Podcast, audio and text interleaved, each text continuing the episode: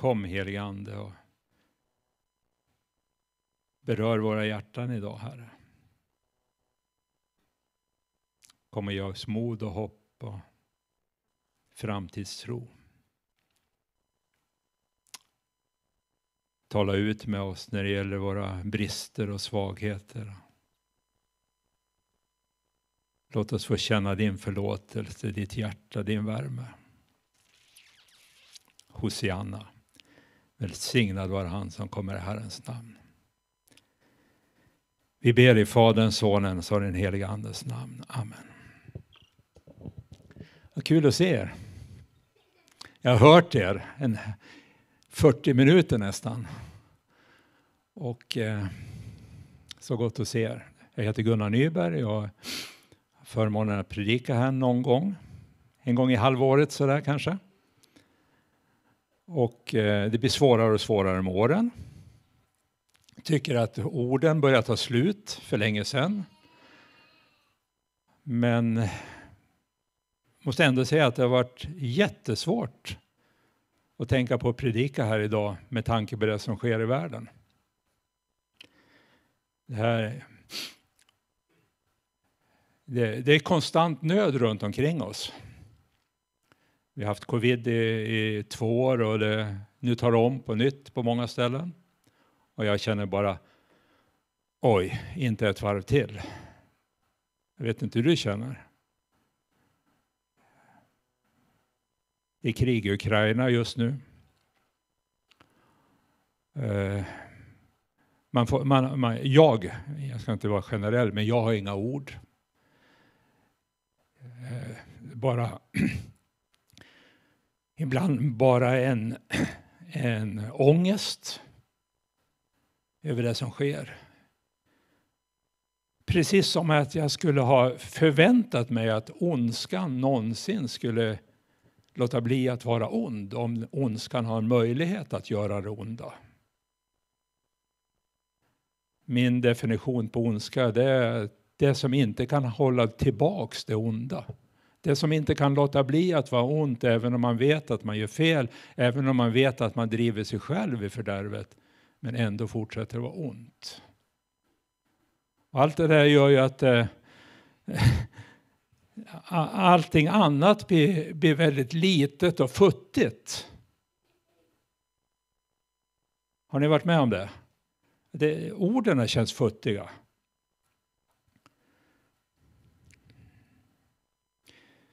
Vi har, vi har naturligtvis bett hemma för, för Ukraina, vi gör det här i kyrkan. Vi har haft kontakt med vänner som kommer därifrån och hör hur det går för dem. Vi har försökt stötta lite insamlingar både genom kyrkan här och på andra sätt. Det finns så många fantastiska bra kanaler som har ingång direkt så det är klart man ska göra det. Det är ju en form av nästan andlig krigföring att vara med om man ska ta sådana termer i sin mun, att vara delaktig i, i försvaret i, i, mot det ockuperade landet nu då och visa sin delaktighet. Men så har jag också tagit kontakt med några ukrainska församlingar med pastorer som jag känner och har träffat. Och följer speciellt församlingen i Kiev. Pastorsparet Elena och Sergej som finns där med sina två barn. Och blivit så otroligt påverkad att se hur de fortsätter att fira gudstjänst. Mitt i kriget, mitt i vändan på att, deras, att huvudstaden ska bli intagen och det är bara en tidsfråga. Kievs borgmästare sa att man kanske kan stå emot två veckor till. Men man fortsätter att fira gudstjänst. Och jag blir så otroligt uppmuntrad när jag möter det. det och sen när jag går tillbaks till, till Bibeln, till, tack Sigrid för texten du läste, det är dagens predikotext. Så blir jag också så otroligt uppmuntrad när jag ser att det här är kyrkans sätt att visa motstånd mot ondskan genom historien. Att hur det än ser ut runt omkring så fortsätter man att fira gudstjänst. Man fortsätter att gå till Guds hus om man kan. Man fortsätter att mötas i små grupper, kanske i hemlighet och man, man vänder sig till Gud och man lovsjunger och tillber honom. Inte som en flykt bort ifrån det som är i verkligheten som är, utan för att presentera den större verkligheten. Det finns en historia som är större än det som sker i Ludvika idag. Det finns en historia som är större än det som sker i Europa och i Ukraina idag. Det finns en historia som är större än det som har skett över hela vår jord genom historiens gång. Och det är vad Jesus Kristus gjorde för oss. Det är Guds historia. Det är den som har funnits i Guds hjärta under alla, alla år, alla årtionden, alla århundraden, alla årtusenden. Och som har burits utav Fadern själv och som har uppenbarats genom Jesus Kristus och den helige Ande. Till varje människa som vill ta emot den. Det är den stora historien. Jag ber om ursäkt att jag blir lite fulgråten här idag. Eh, allt, allt med rösten har inte med att jag rörde att göra. Jag blir alltid lite allergisk när jag kommer hit. Jag vet inte vad det är, om det är någon som har för mycket parfym eller mattan vi har installerad som var för billig. Jag vet inte vad det var för någonting. Men någonting gör det, eller om vi har för många ljus. Idag var det bara tre. Men jag kan alltid skylla på min allergi då när jag blir lite, det här lite gråtmild. Och det känns ju bra i alla fall. Mm. Hoppas ni klarar det också, både ni här i kyrkan och ni där hemma. Att berätta den största historien det är att tro på att Gud fortfarande har det sista ordet. Det är inte ondskan som har det sista ordet, Gud har det sista ordet. Att Jesus har dött för hela världen, att alla människor är älskade, sedda och välkomnade in i hans gemenskap. Texten som Sigrid läste idag, det är från eh, Lukas 7 och 36. Ni får gärna följa med där när vi går igenom den lite.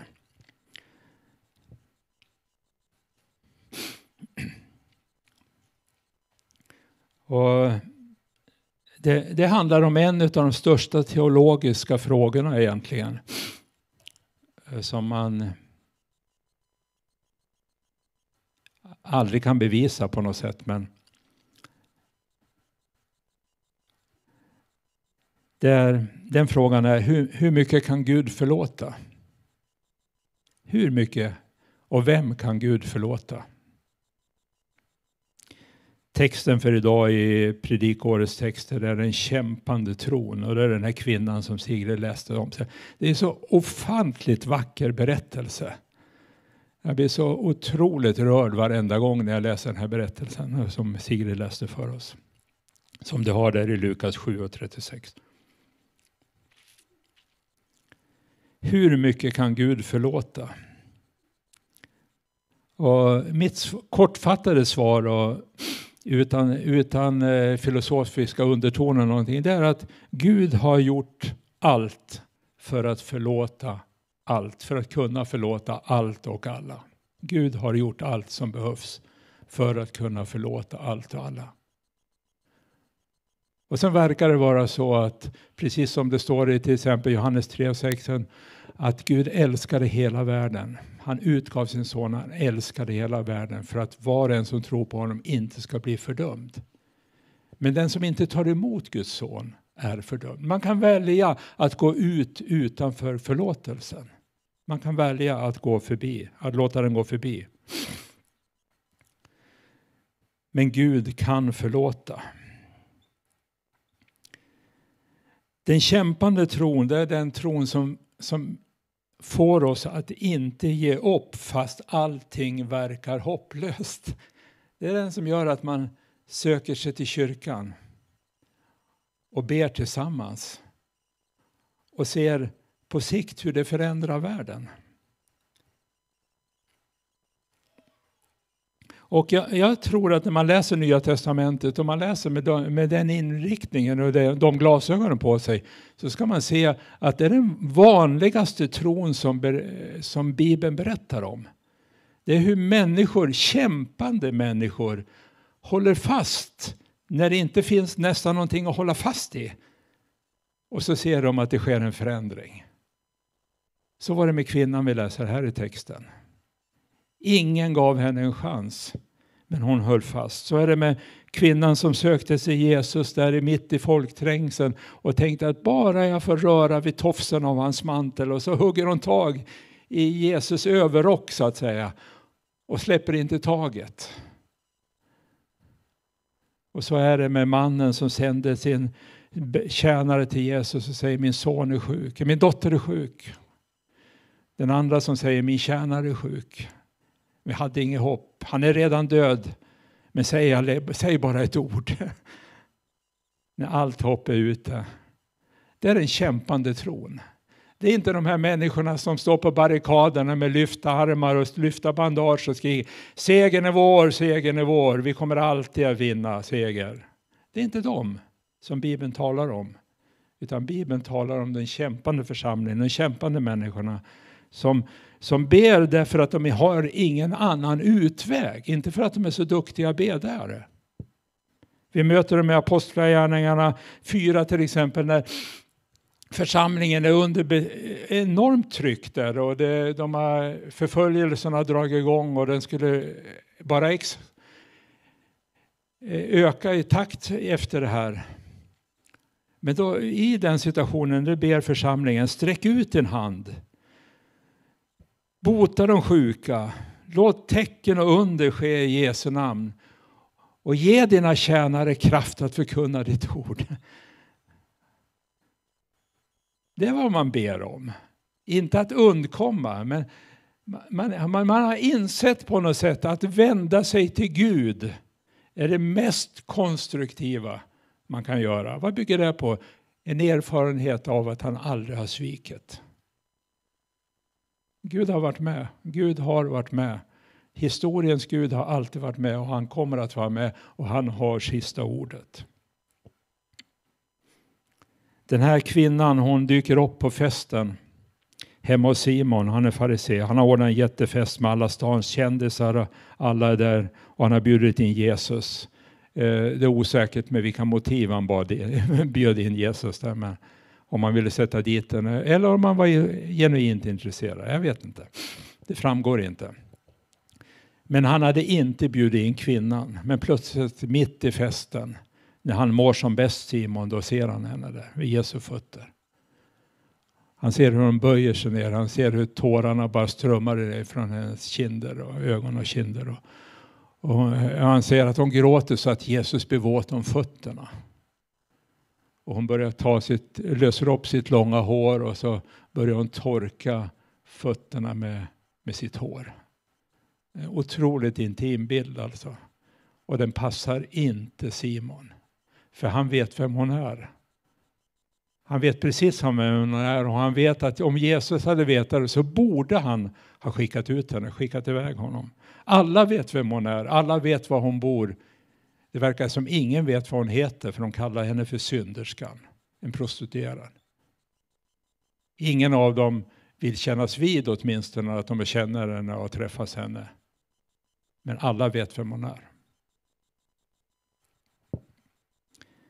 Jesus är jättemedveten om vad hon gör också. Och han låter henne fortsätta. Han är den enda i salen som inte verkar chockad. Och han vänder sig till Simon så ställer han en fråga till Simon som, som Simon inte, inte förstår. Vem kommer att älska mest? Den som har fått mycket förlåtet eller den som inte har fått så mycket? Bort bara lite förlåtet. Och Simon svarar förvirrat på något sätt och tror fortfarande att det här handlar om pengar. Han har inte förstått att frågan egentligen handlar om någonting helt annat när han svarar ja, jag, jag antar att den som har mycket förlåtet han älskar också mer eller hon älskar också mer.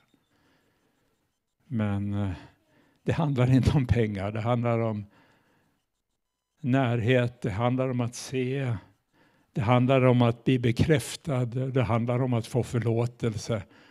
Och förlåtelse och kärlek är tydligen nästan som synonymer hos Jesus. Den som har fått mycket förlåtet, han älskar också mycket. Alltså, om jag inte är medveten att jag är förlåten och behöver förlåtelse och har blivit förlåten så har jag svårt, då har jag en bugg när det gäller att älska. Att öppna mitt hjärta och att våga älska. Det, det, är precis som texten heter, kallas ju för den kämpande tron. Och det är samma sak med tro och kärlek. Tro, förlåtelse och kärlek. Kärlek, förlåtelse och tro. Förlåtelse, tro och kärlek. Det är som en treenighet som är beroende av varandra. Och det är det Jesus talar om och säger att den här kvinnan, hon, hon har gjort allt det som inte du gjorde Simon, när jag kom. Jag fick ingenting av det här, nu har hon gett mig det. Det var din plikt egentligen som en god värd och som en, om, du, om du bjöd in mig som rabbi till den här festen, att ge mig vatten att tvätta mina händer och tvätta mina fötter, att att eh, smörja mitt huvud. Det var, det var seden. Du gav inget av det. Men kvinnan, hon, du satsade hela din förmögenhet på att bjuda in stans rika och mäktiga. Hon satsade sin förmögenhet på att smörja mig inför min begravning. Det är vad Jesus säger.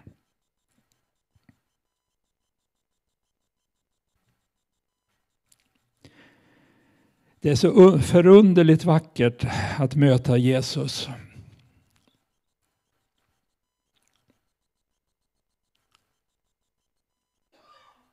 Bara, bara skönheten i det han gör borde få oss att förstå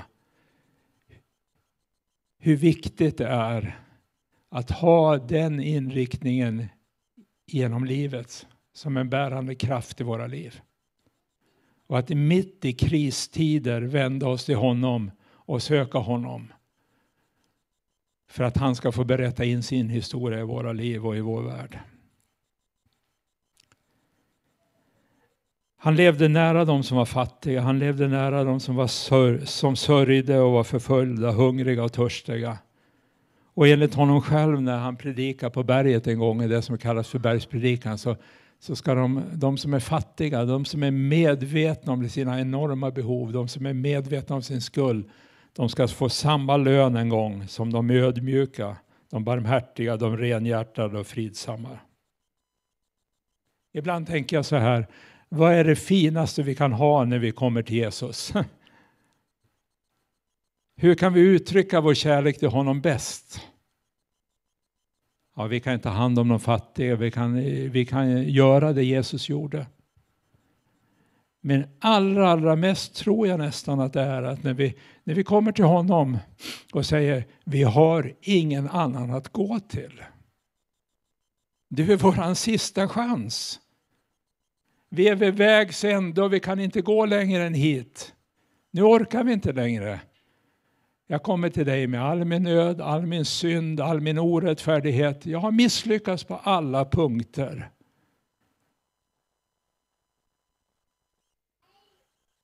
Jag undrar om vi kan ge något större bevis på vår kärlek till honom än att vi gör just det. Och han är den enda som kan ta emot oss i den situationen. På sätt och vis så levde Jesus nära den här kvinnan också. Han visste precis som alla de andra som jag sa var hon bodde, hur hon försörjde sig. Men hon, han hade aldrig brytt sig om att fråga varför. Han, han hade aldrig frågat varför hon börjat, hur hon trivdes, hur hon mådde, om hon var lycklig. De frågorna lämnade han bara. Men Jesus ställde de frågorna. Det är så enkelt att döma på avstånd så länge det är vi och dem. Men om man har sett orsakerna, har delat tårarna och börjat ana den bottenlösa tomheten, då är det inte lika lätt att döma längre. Inte när man kommer nära. Och Jesus var aldrig rädd att komma nära. Han var aldrig rädd att bli alltför involverad. Han var aldrig rädd för att bli besmittad. Han var aldrig rädd om sitt rykte på så sätt att det hindrar honom att vara vän med de mest utstötta. Och därför fanns det ingen fördömelse i hans hjärta när han mötte henne och inför kvinnan här. Rätt och fel, det är jätteviktigt att, och det var väldigt viktigt för Simon såklart. Eh, skuldfrågan är viktig, men målet är viktigare. Och I Guds fall så har, har det alltid ända sedan Adam och Evas tid varit mer intressant för Gud att få komma fram till upprättelse än att få bevisa att han har rätt. Guds mål har alltid varit upprättelse. Och det är det Jesus gör. Han, han bekräftar att nåden gäller den här kvinnan. Han be, bejakar hennes tro. Han vittnar om hennes skuld är betald, att hon är fri. Och hennes identitet i hans ögon är inte synderska. Hon är Guds älskade barn. Hon är hans egen lilla syster.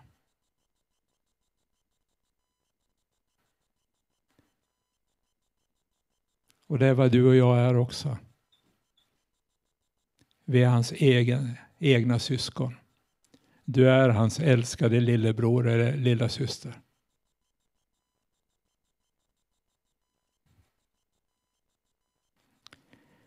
Idag så minns vi eh, farisén Simon bara därför att han som var så noga med att göra allting rätt ändå gjorde fel. Han fick dit Jesus, han skrev i hans eh, gästbok och det har lästs av miljontals människor men det har inte riktigt fått den effekten i Simons liv som man förväntar sig.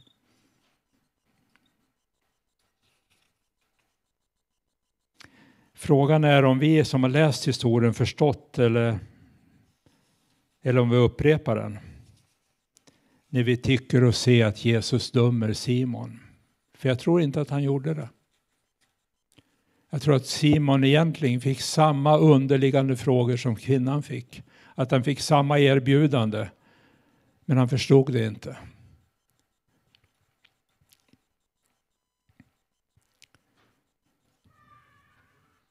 Jag tror att vi får samma frågor gång på gång också när vi läser de här texterna. Vi får samma erbjudande. Han vill locka ut oss i skuggorna, han vill locka in oss i ljuset, han vill, han vill ta emot vår tillbedjan, han vill, han vill befria oss, han vill ge oss förlåtelse. Kvinnan är också ihågkommen, inte för det som Simon och hela stan visste om henne. Fortfarande är det ingen av oss som vet vad hon hette. Nu för tiden är det ingen som vet var hon bodde. Men hon är ihågkommen för sina tårar, sin tro, sin mod, sin kärlek. Den som har fått mycket förlåtet. Han älskar, hon älskar också mycket.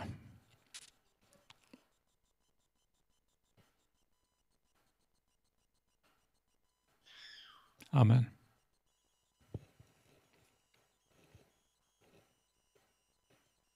Amen.